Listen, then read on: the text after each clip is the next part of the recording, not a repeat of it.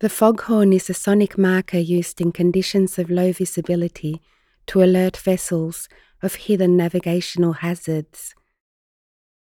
Part of the coastal landscape since their invention in the 19th century, foghorns became obsolete with the rise of automatic alert systems and simpler devices such as compressed air horns.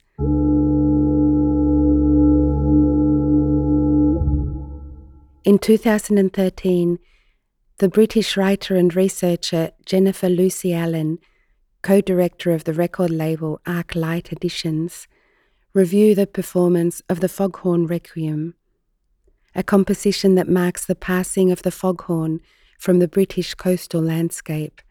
In her review, she wrote, The foghorn symbolizes the sound of industry, the hollering of an age of engines, machines, and power and also a sound that is intensely nostalgic. It suggests loneliness and isolation, but is simultaneously a wordless reassurance to those out at sea that there's a human presence nearby. The experience made such a strong impression on her that she ended up dedicating her doctoral thesis to researching the social and cultural history of foghorns a sound that's lost and not lost at the same time.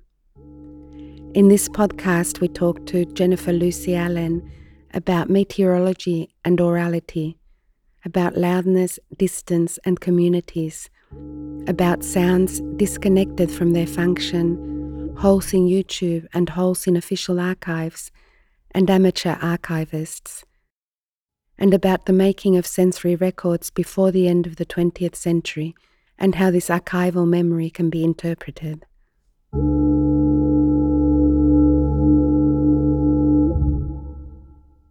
I really like the sound, but that doesn't mean that everyone else really likes it. And actually, what I, while I really get a thrill from hearing one, I, there's just something really compelling to me about this idea.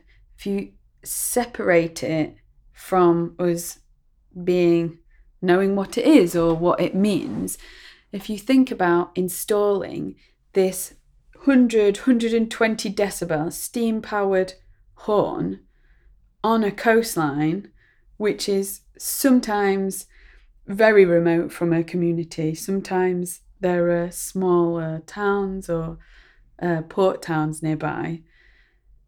Like, how did that happen? There's almost this this quite basic question of what was in place and who was making these decisions that meant that the best idea was to install a 120 decibel horn. And it wasn't like they were sounding at uh, for you know a couple of hours here and there. People remember them being on for days and days and days at a time. So you know there was cases where they were on for four or five days solidly and somebody's got to make sure the engines are running. Sometimes they needed switching on, and anyone who's in the vicinity of that. And the and the big old ones were yeah 100 120 decibels if you're stood underneath, and they go for they reach 20 miles, and that's all around, not just out to sea, even if they're pointing in a particular direction. So I just find that question so compelling because it just is almost surreal or absurd or something. And so trying to piece together that history of uh, what were the power dynamics or machinations of sort of capitalism and commerce and power, particularly like power in urban centres when you're talking about coastal sound. How were those things coming together to make that decision?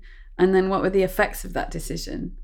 How did that happen? And just find it so compelling particularly when coupled to a sound that is so physically affecting as that.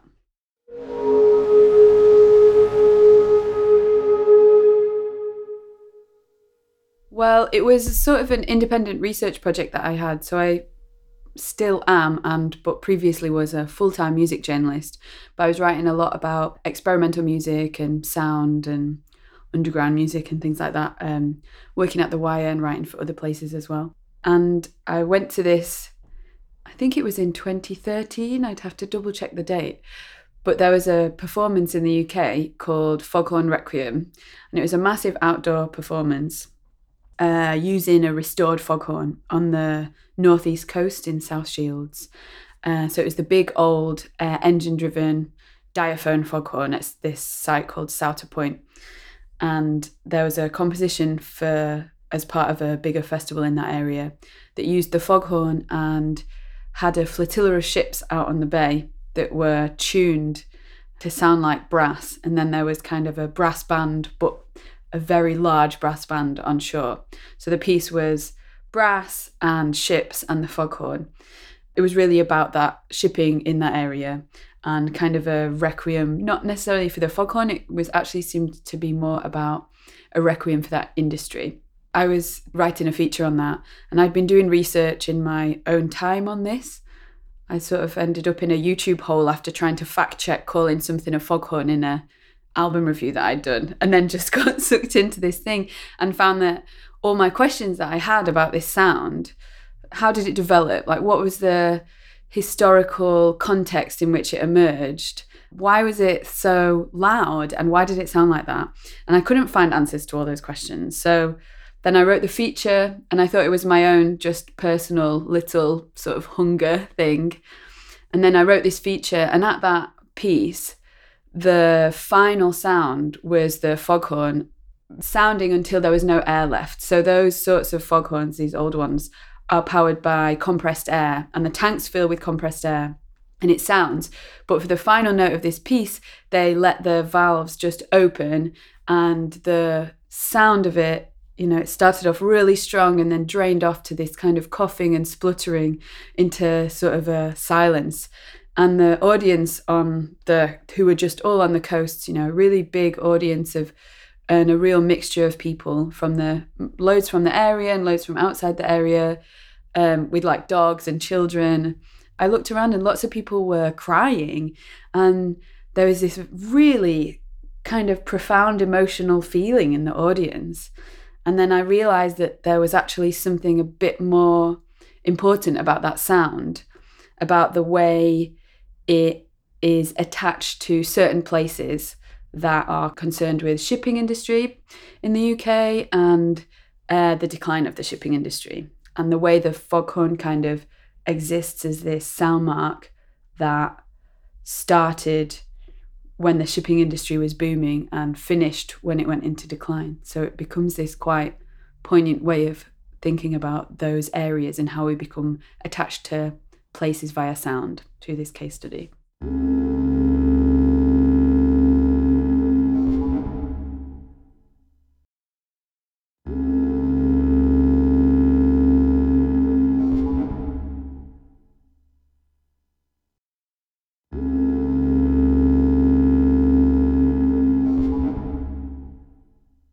So, my research ended up really focusing on the UK just because I do so much archival research the the practical limitations of being able to go to foghorns elsewhere, particularly somewhere where they're important, like the East Coast, became a bit impractical.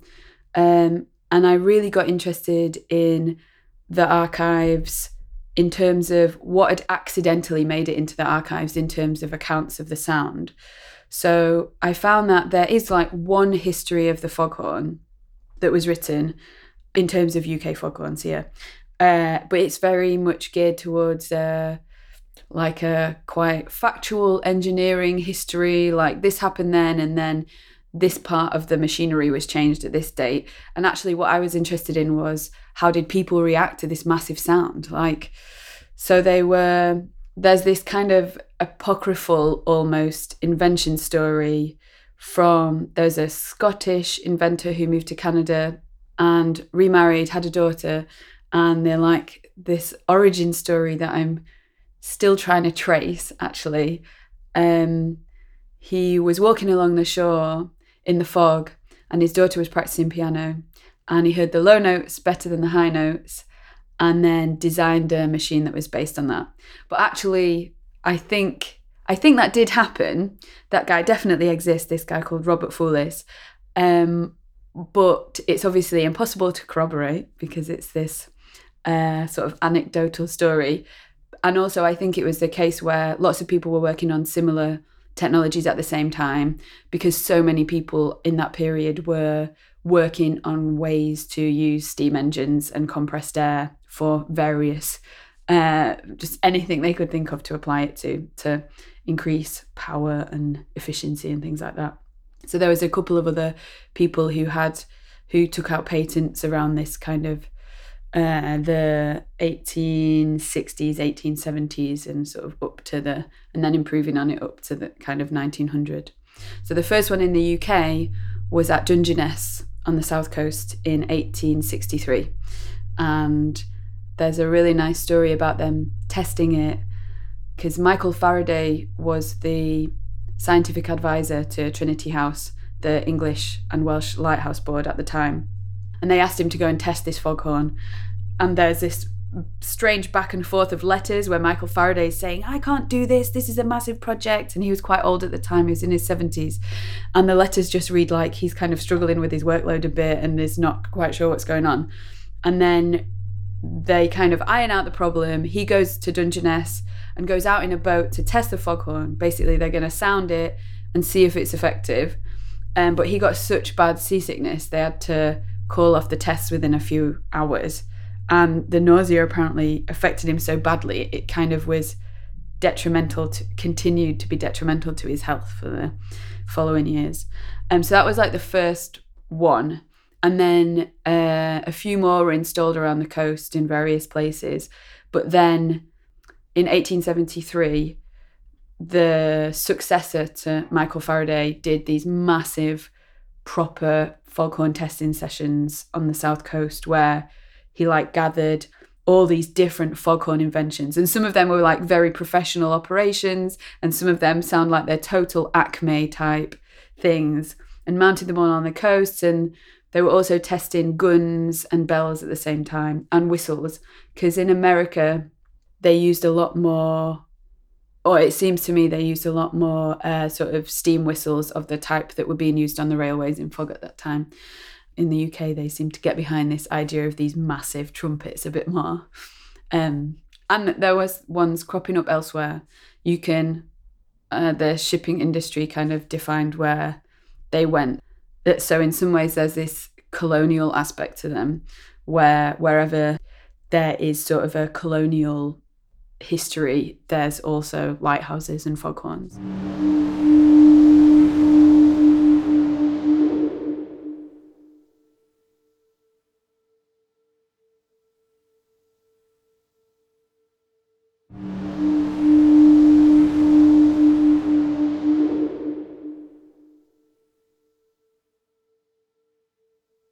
I've been taking this approach, which is. Well, I didn't know when I started, but it's more of a because my background is in journalism, so my research follows those kind of methods, I suppose. Um, so I'm not looking at just archive material or just uh, literature or just uh, oral history and interviews. I'm kind of combining all of them because it seems to me that the history of a sound needs to have this uh, fluidity to it because of the social and human and historical aspect.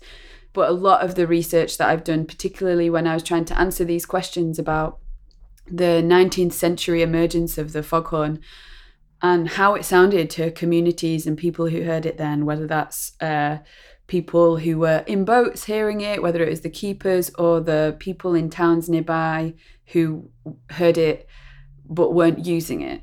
Um, and that stuff has been the thing that has had the biggest element of chance in it. So I've done digging in the a number of archives and kind of drawing threads together. So the lighthouse bodies in the UK, there's the Northern Lighthouse Board, which operates everything in Scotland, and then there's the English and Welsh Lighthouse Body, which is uh, Trinity House, and then there's the Irish uh, Commissioners for Irish Lights as well for practical reasons, I can't really use the Irish archives because I can't get over enough. But I've used the Scottish archive and the Trinity House archive as well. There's all these various like limitations with archives always. We expect them to be these complete things that are full of answers, but they're just full of holes and they're so reliant on not just what somebody decided to record at the time, but over the years, what somebody decided was worth keeping. And they're also the operational records of these um, very official bodies. Trinity House is like 500 years old. So lots of what's kept in these archives is actually relating to financial stuff, generally speaking. Um, and therefore, nobody was concerned about keeping the sensory records of sounds than the way they were heard. So the things that have that have survived tend to be noise complaints from when people when there was a new foghorn installed and people complained about the sound and how it was disturbing uh, communities or disturbing their sleep or situations like this.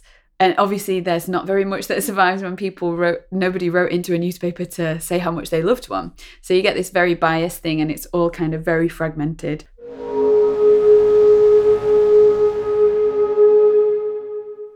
and there's also another problem with the trinity house archive because even though it's a 500 year old organization the archive room got bombed in directly in the blitz so they lost an enormous proportion of their material and they never really have worked out what they lost.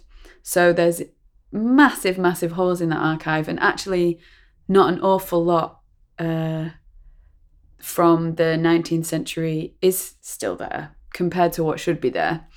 So I've ended up using the Northern Lighthouse Board in Edinburgh a lot more because also its associations with the Stevenson Lighthouse dynasty means that it's been very well looked after that one because it's of the Stevensons were such an influential and important part of sort of Scottish heritage uh, and engineering. It meant that lots of things got kept that maybe wouldn't have in other situations. And also, the Stevensons have a big archive at the uh, all their papers and things that they collected. So there's a collection of their papers at the National Library of Scotland, uh, which has also been really useful. And then there's things like uh, amateur archives. So there's an association of lighthouse keepers, which is almost an amateur heritage organization, which I feel like does it a disservice because it's incredibly well organized by a group of quite a large group of enthusiasts and ex lighthouse keepers. And some of those keepers have, one in particular has his own amateur archive and people knew about it. So they were sending him things when the lighthouse service was being wound down. So there's this kind of amateur archive and then there's also things like uh, so much of the documentation passed between different government bodies. So lots of the stuff that was lost is mirrored in the Board of Trade archive. And then there was a lighthouse body in Glasgow on the Clyde that was very uh, experimented with a lot of technology, but its archive has never been digitized. So I kind of ended up tracing these threads and ending up in these archives where I was, you know, you'd spend two hours looking through a minute book that is just about how much coal they're sending somewhere.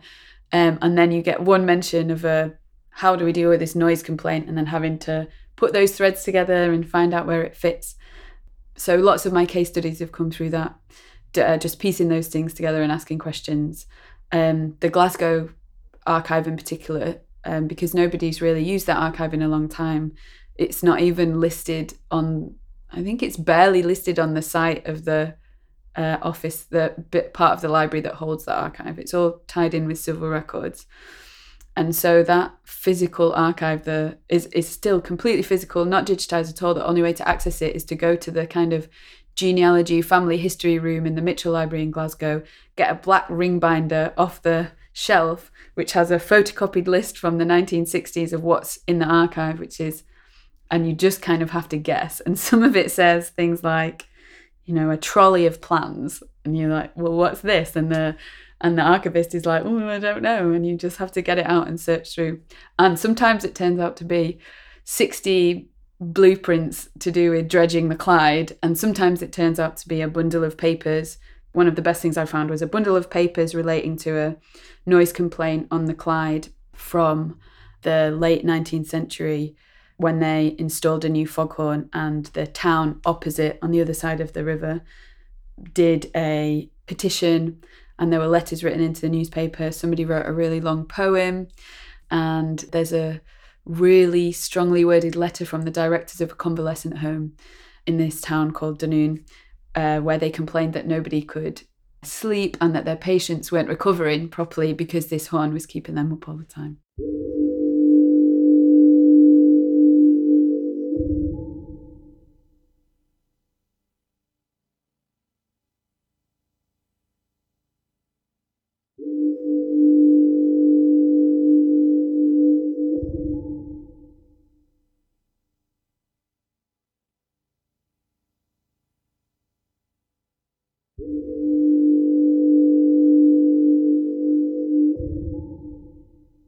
Doing historical research, one of the things that I realized about all these kind of histories that you read of things is how the archivists at these places are these invisible heroes of this sort of research.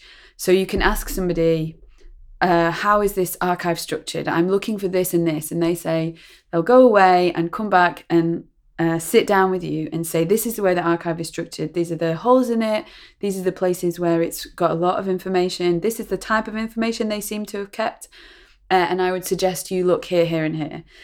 If you get an archivist who's in who's interested in your project, they become these total like gold mines of information that are in lots of historical projects. I came to realize they actually remain quite invisible. So that became really important to me as well. Like this idea of not only the communities of people who are hearing this sound who maybe are a bit lost in the historical record, but how invisible the knowledge of archivists are.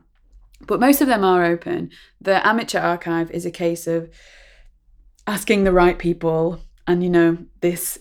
So, with the Association of Lighthouse Keepers now, they have an annual meeting. So I go to that and people say, Oh, you need to talk to this person, you need to talk to this person. And so information gets passed around just through a group of enthusiasts.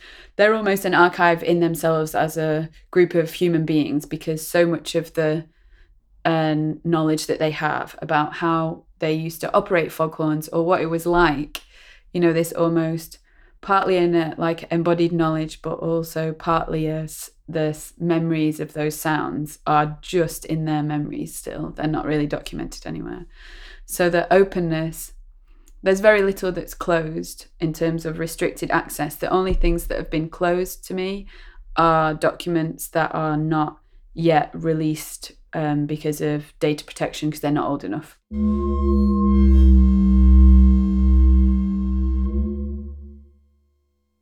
I started out asking, what does this sound mean? But then as the research goes on, and it's always been, the idea has always been very much to tell a social and cultural history of the sound of the foghorn. And but as it's gone on, this idea of establishing like what does this sound mean in the UK has just become more and more sort of clouded uh, it's like almost, uh, you know, it's the foghorn. It's got foggy, which is um, probably I should have known that would have happened. Um, and it's almost uh, too easy to say that. But uh, really, what's come out of it is this thing that it's very easy to tell stories, but there's n- never just one story. And also realizing the fallibility and bias of archives, but also the fallibility of memory, and also the this is obvious, but I think sometimes we forget it in the way we talk about sound, is that different people encounter sounds in completely different ways. And if we're going to uh, start talking about meanings of sounds, then you have to incorporate that idea of uh, like plurality and uh, flexibility and the fact that people change their minds. So, one of the things that I've really been thinking about a lot is this idea of so now when we talk about the foghorn and the performance that I was talking about, we think of it as this quite romantic sound. Uh, people are quite nostalgic about it, and it is quite emotional or evocative of certain uh, certain sort of maybe pathetic fallacy connected with fog, or just of a certain time or history. Like it, it's generally a warm feeling that people have towards it or that we think about now. But actually, that's not the case at all. Like if you, so I interviewed a keeper just this week who was one of the last keepers at a lighthouse that I'm staying at on Shetland. And he said, oh, I hated the foghorn. I never got used to it. Um, some of the other keepers did. I loved starting up the engines. I liked the sound of the engines, but I hated the sound of it. It was just a racket. Um, and lots of the other keepers are nostalgic for it. Uh, and then it's used in music and ha- since maybe the sort of acousmatic music started or field recordings started being incorporated into music, then it's become a sound that has been used in uh, one or two or three places. You know, it crops up every now and then. But and then if you look at these noise complaints, there were quite a lot of noise complaints around the end of the 19th century. So it's this idea of a sound that is we have a negative reaction to, but then even in within one person's lifetime, you begin to have this nostalgic thing to it, or you get used to it, or you change your mind. And that seems obvious, but I think it's not.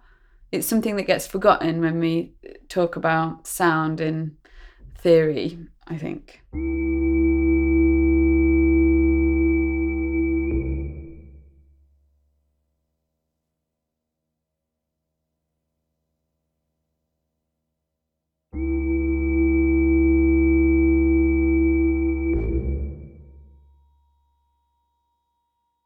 I read in one place that Charles Babbage was the original one who had this idea to give every foghorn a different character, with the idea being that wherever you were on the coast, if you were lost in fog, you would be able to count the character of the horn and identify where you were. In actual fact, I don't know if that's true or if the. I think Charles Babbage did make the suggestion, but I think I don't think it was he changed any policies or anything like that. Um, the lighthouses themselves already have individual characters. Uh, the how long the light flashes and how many flashes it is, and that was uh, converted into the way they were making the horns a different character. But they don't all have a totally different character. Somebody told me a couple of weeks ago that Cape Wrath and Sumburgh Head had the same character, but he made the point that if you didn't know whether you were near Cape Wrath or Sumburgh Head, then you were really in bigger trouble than needed to know which foghorn it was that you were hearing.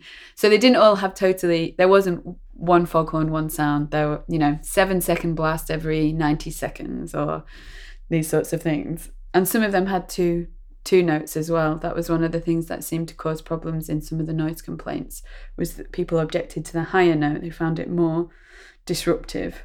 And I'm not sure if there's a gendered aspect to that because the 19th century people were calling it shrill and the associations with higher sounds being more feminine at the time. So I don't know if there's like a sort of gender bias on the way people were complaining like that. That's a bit of a that's a question I've yet to tackle.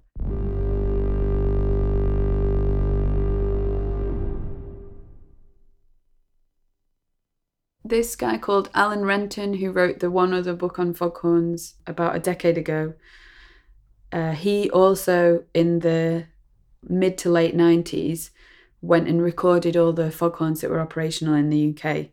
And that's in the British Library Sound Archive now. But lots of those are from quite far away. So they're almost environmental recordings.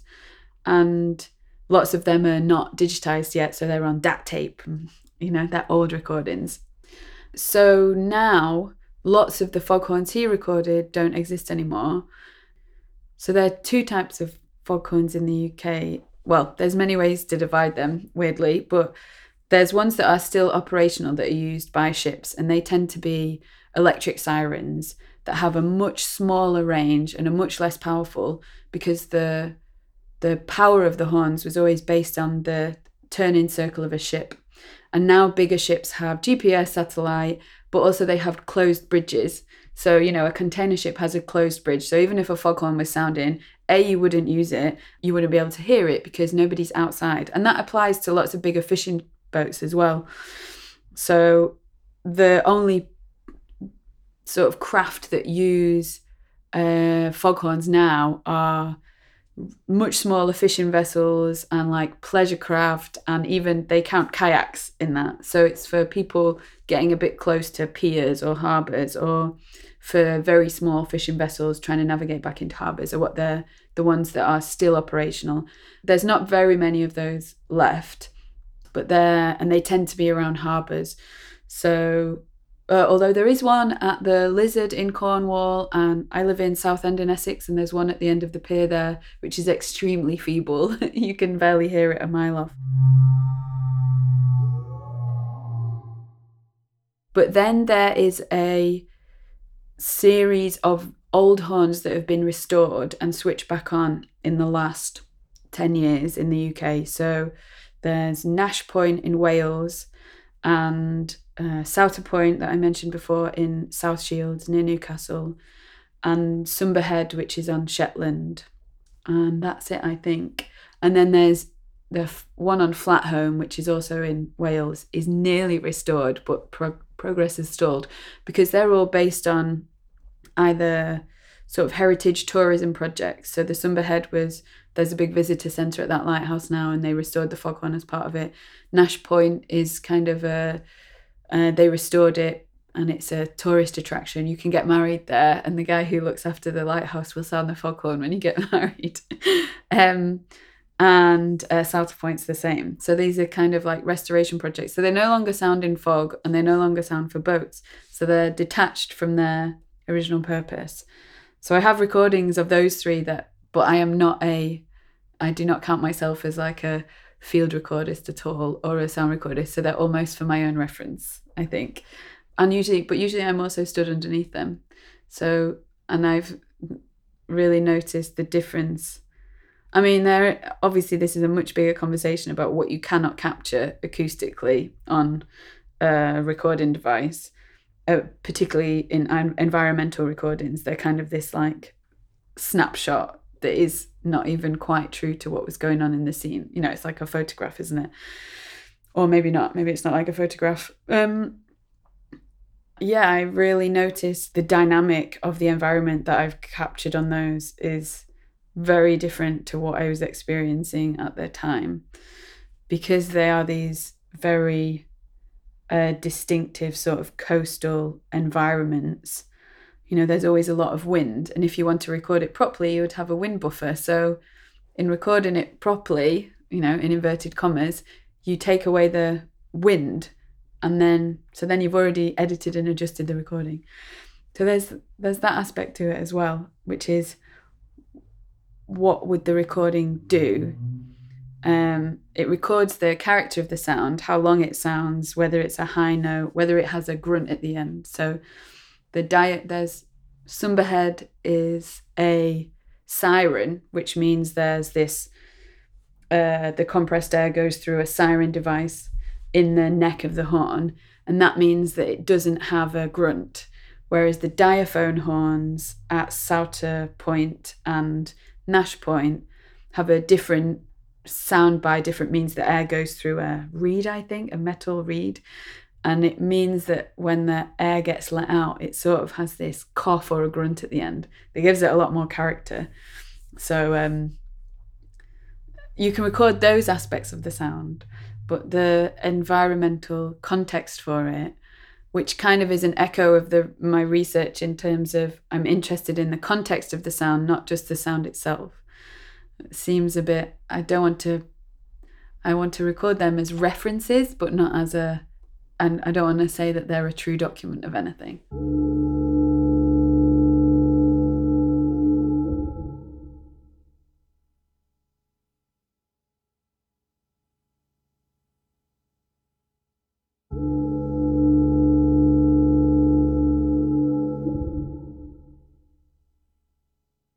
When I started the research, I thought it was a lost sound.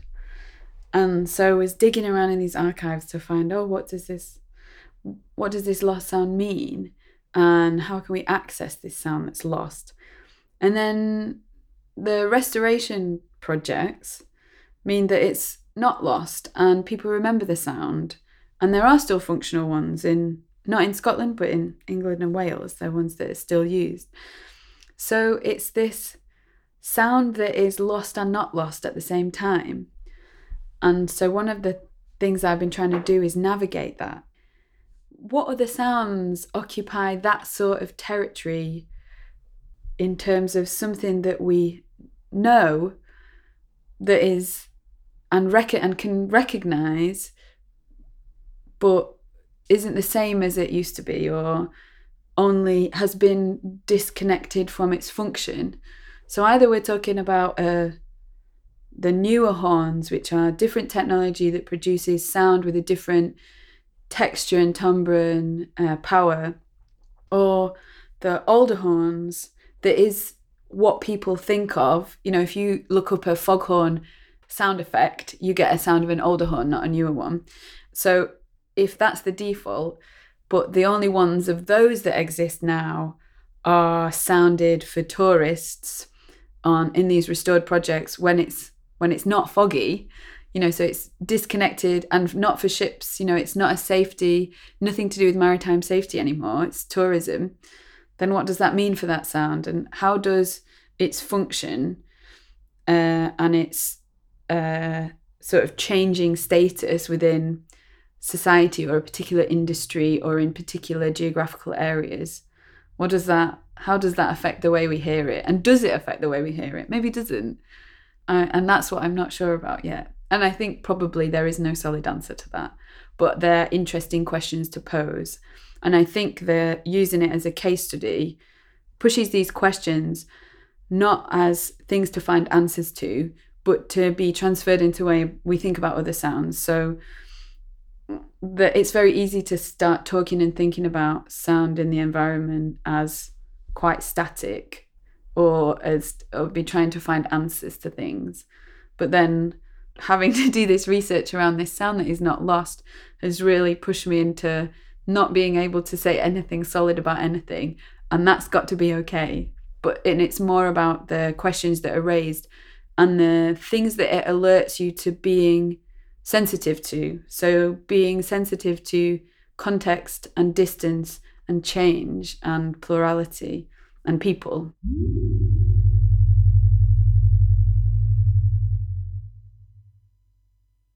As a sound that is connected to weather, it's also kind of unique in that way. There are, apart from the actual sound of weather, so rain or thunder, think, you know, sounds like that, then there wasn't an enormous amount of sounds that I could think of that were so deeply attached to a type of weather? Uh, and what does that mean for the sound? Or how does it affect the way we hear it? And again, that's really difficult to answer. But I think with the the way the foghorn is so deeply attached to fog, like so fog is the reason it exists. And so I ended up getting really far too deep into the sort of a cultural history of the weather but the there is almost now in the way that fog and the foghorn is represented in cinema or in sometimes in music. John Carpenter is the obvious reference. Um, there is almost this like pathetic fallacy there. And it kind of becomes this it's easy to use it as a shorthand for uh, a sonic shorthand for what fog is, which is this uh, maybe a threshold or it references the a crossing over into a different realm or like in John Carpenter the emergence of monsters. So it hides things or indicates that something is happening that is not uh, of the sort of real daylit world so I think it there is a way that it has been used that in its connection to fog that means it this sonic shorthand for this sort of pathetic fallacy that we would talk about fog in the same way that rain in films is used for when a certain sort of drama is happening.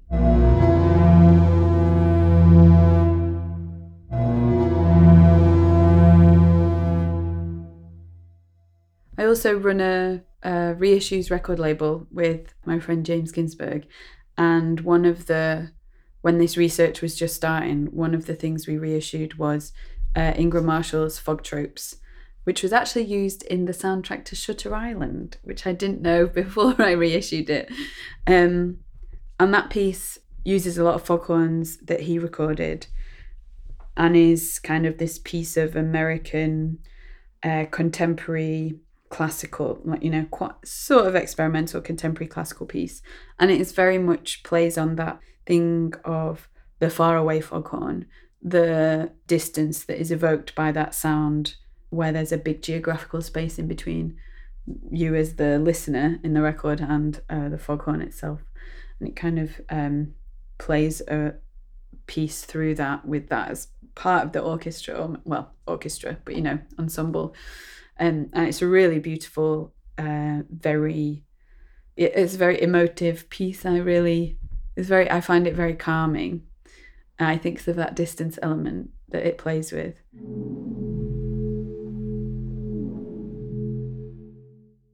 There's also um, Alvin Curran.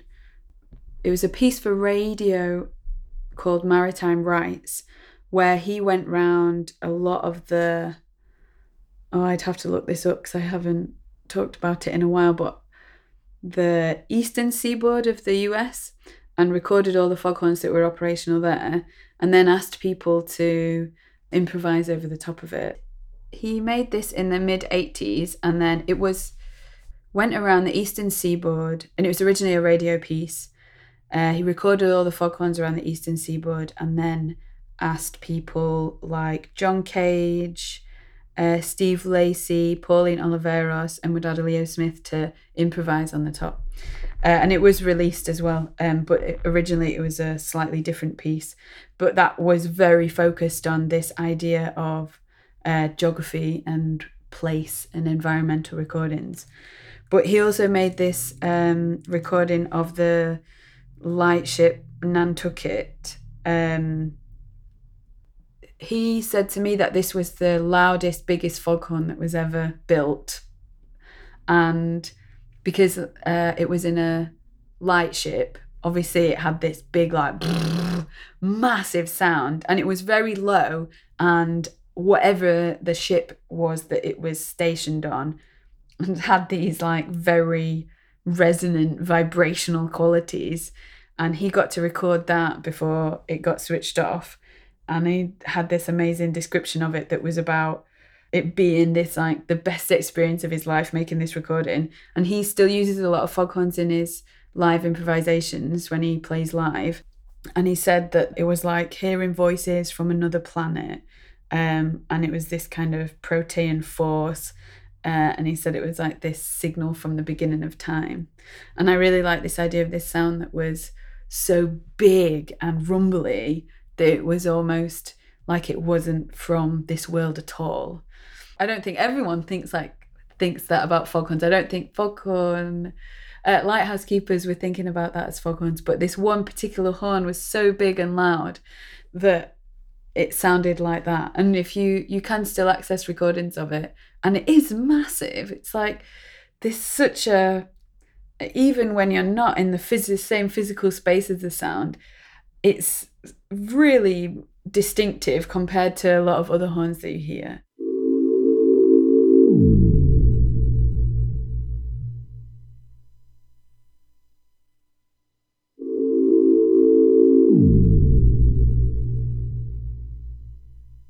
But I am really interested in the idea of the sort of sensory traces of the archives. So the what is in archives that uh, shouldn't be there that we can use uh, or that tells us something about the sensory experiences of a particular technology or a particular time or a particular historical situation or context. Like not just necessarily about sound but the way people use language to talk about things and the way that was documented what can we extrapolate from that to learn something else apart from that might change the way we understand that history or understand that change the way we understand the way that history has been told uh, and the i almost like that there are these foggy parts of doing that. So there's you're always so many times removed, but there's still something there that is a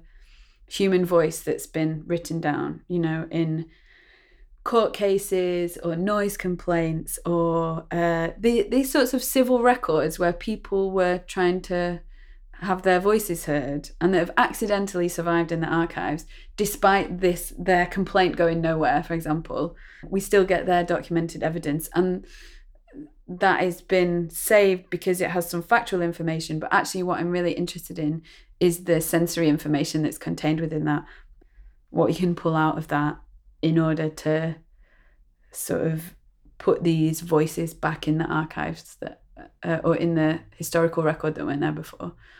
And my focus is always on sound, but I'm interested in kind of digging further into these connections between sound and weather, which I think are, have a very historical slant on them in the way that we understand time and weather and sound.